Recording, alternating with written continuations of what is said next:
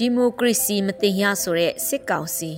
လူမျိုးတုံးရာဇဝတ်မှုတွေတိုးပြီးကျူးလွန်လာဆိုတဲ့မြန်မာနွေဦးခရိုနီကယ်မတ်လတရက်မုံမခမြင်ကွင်းဆောင်ပါကိုဖတ်ကြားပေးပါမယ်။ပုဂ္ဂလိကကိုပိုင်ကျောင်းတွေမှာဒီမိုကရေစီထက်သွင်းတင်ကြားမှုအပေါ်တားမြစ်တာဟာ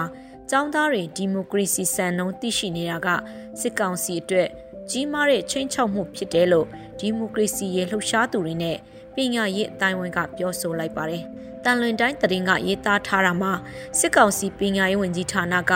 ပုဂ္ဂလိကကိုပိုင်ကျောင်းတွေမှာအနောက်တိုင်းဒီမိုကရေစီရင်ကျေးမှုထည့်သွင်းတင်ကြားနေတဲ့အတွက်ကိုပိုင်ကျောင်းတွေနဲ့ပတ်သက်တဲ့စီကံဥပဒေတွေကိုထုတ်ပြန်ဖို့ကရင်ပြည်နယ်ခရိုင်ပညာရေးမှုတွေအားလုံးကိုဖေဖော်ဝါရီ18ရက်နေ့ကအကြောင်းကြားစာညွှန်ကြားခဲ့တာပါ1988ရှစ်လေးလုံးအရေးတော်ပုံကို လက်နက်နဲ့ပြစ်ခတ်ချေမှုန်းနေနှင်းခဲ့တဲ့စစ်ကောင်းဆောင်တွေကိုယ်တိုင်ပါတီစုံဒီမိုကရေစီရွေးကောက်ပွဲဆိုတဲ့စကားလုံးကိုစတင်သုံးစွဲခဲ့ကြတာဖြစ်ပါတယ်။မဆလာလက်ထက်က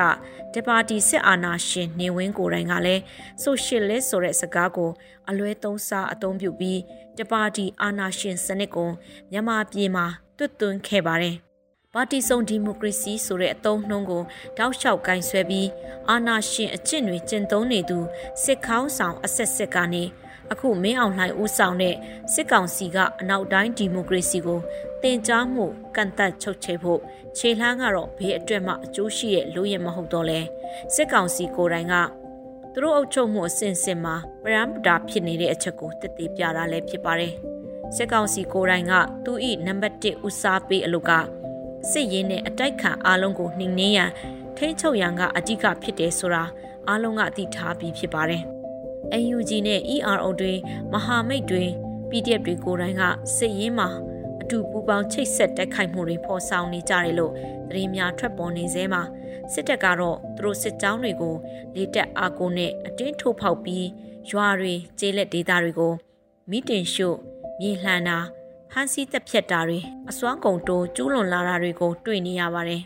။အညာဒေသကခြေလက်တွေမှာအစုလိုက်အပြုံလိုက်တပ်ဖြတ်မှုတွေကိုစစ်ကောင်စီ၏တပ်တွေလှုံ့ဆော်တာဟာလူမျိုးတုံးရာဇဝတ်မှုတွေလို့အထက်ထက်ဆွဲချက်တင်ရမယ့်အခြေအနေဖြစ်နေပါတော့တယ်။တရင်များအစိုးရစကိုင်းတိုင်းရင်းမာပင်မြို့နယ်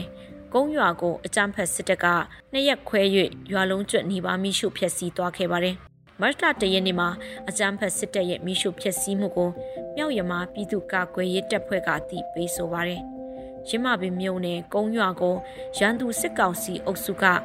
ယမနေ့ညပိုင်းနဲ့မတ်လတရက်နေ့တွင်နှစ်ကြိမ်ခွဲ၍ရွာလုံးကျွတ်နေပါမိရှုသွားခဲ့ပါတယ်လို့ဆိုပါတယ်။စကိုင်းတိုင်းရွှေဘူခရိုင်ဝက်လက်မြို့နယ်မုတ်ဆိုးချုံကျေးရွာနဲ့လေကိုင်းကျေးရွာအားဖေဖော်ဝါရီ28ရက်နေ့မနေ့ပိုင်းတွင်၎င်းဘဲတဲကုန်းကျေးရွာအားမတ်လ1ရက် ယနေ့မနေ့လက်နက်ကြီးလက်နက်ငယ်များဖြင့်ပြစ်ခတ်ကာဝင်ရောက်မီးတိုက်နေပါတယ်လို့ဝက်လက်တော်လှန်အင်အားစုများကအတည်ပြုဆိုပါတယ်။မုတ်ဆိုးချုံရွာမှာ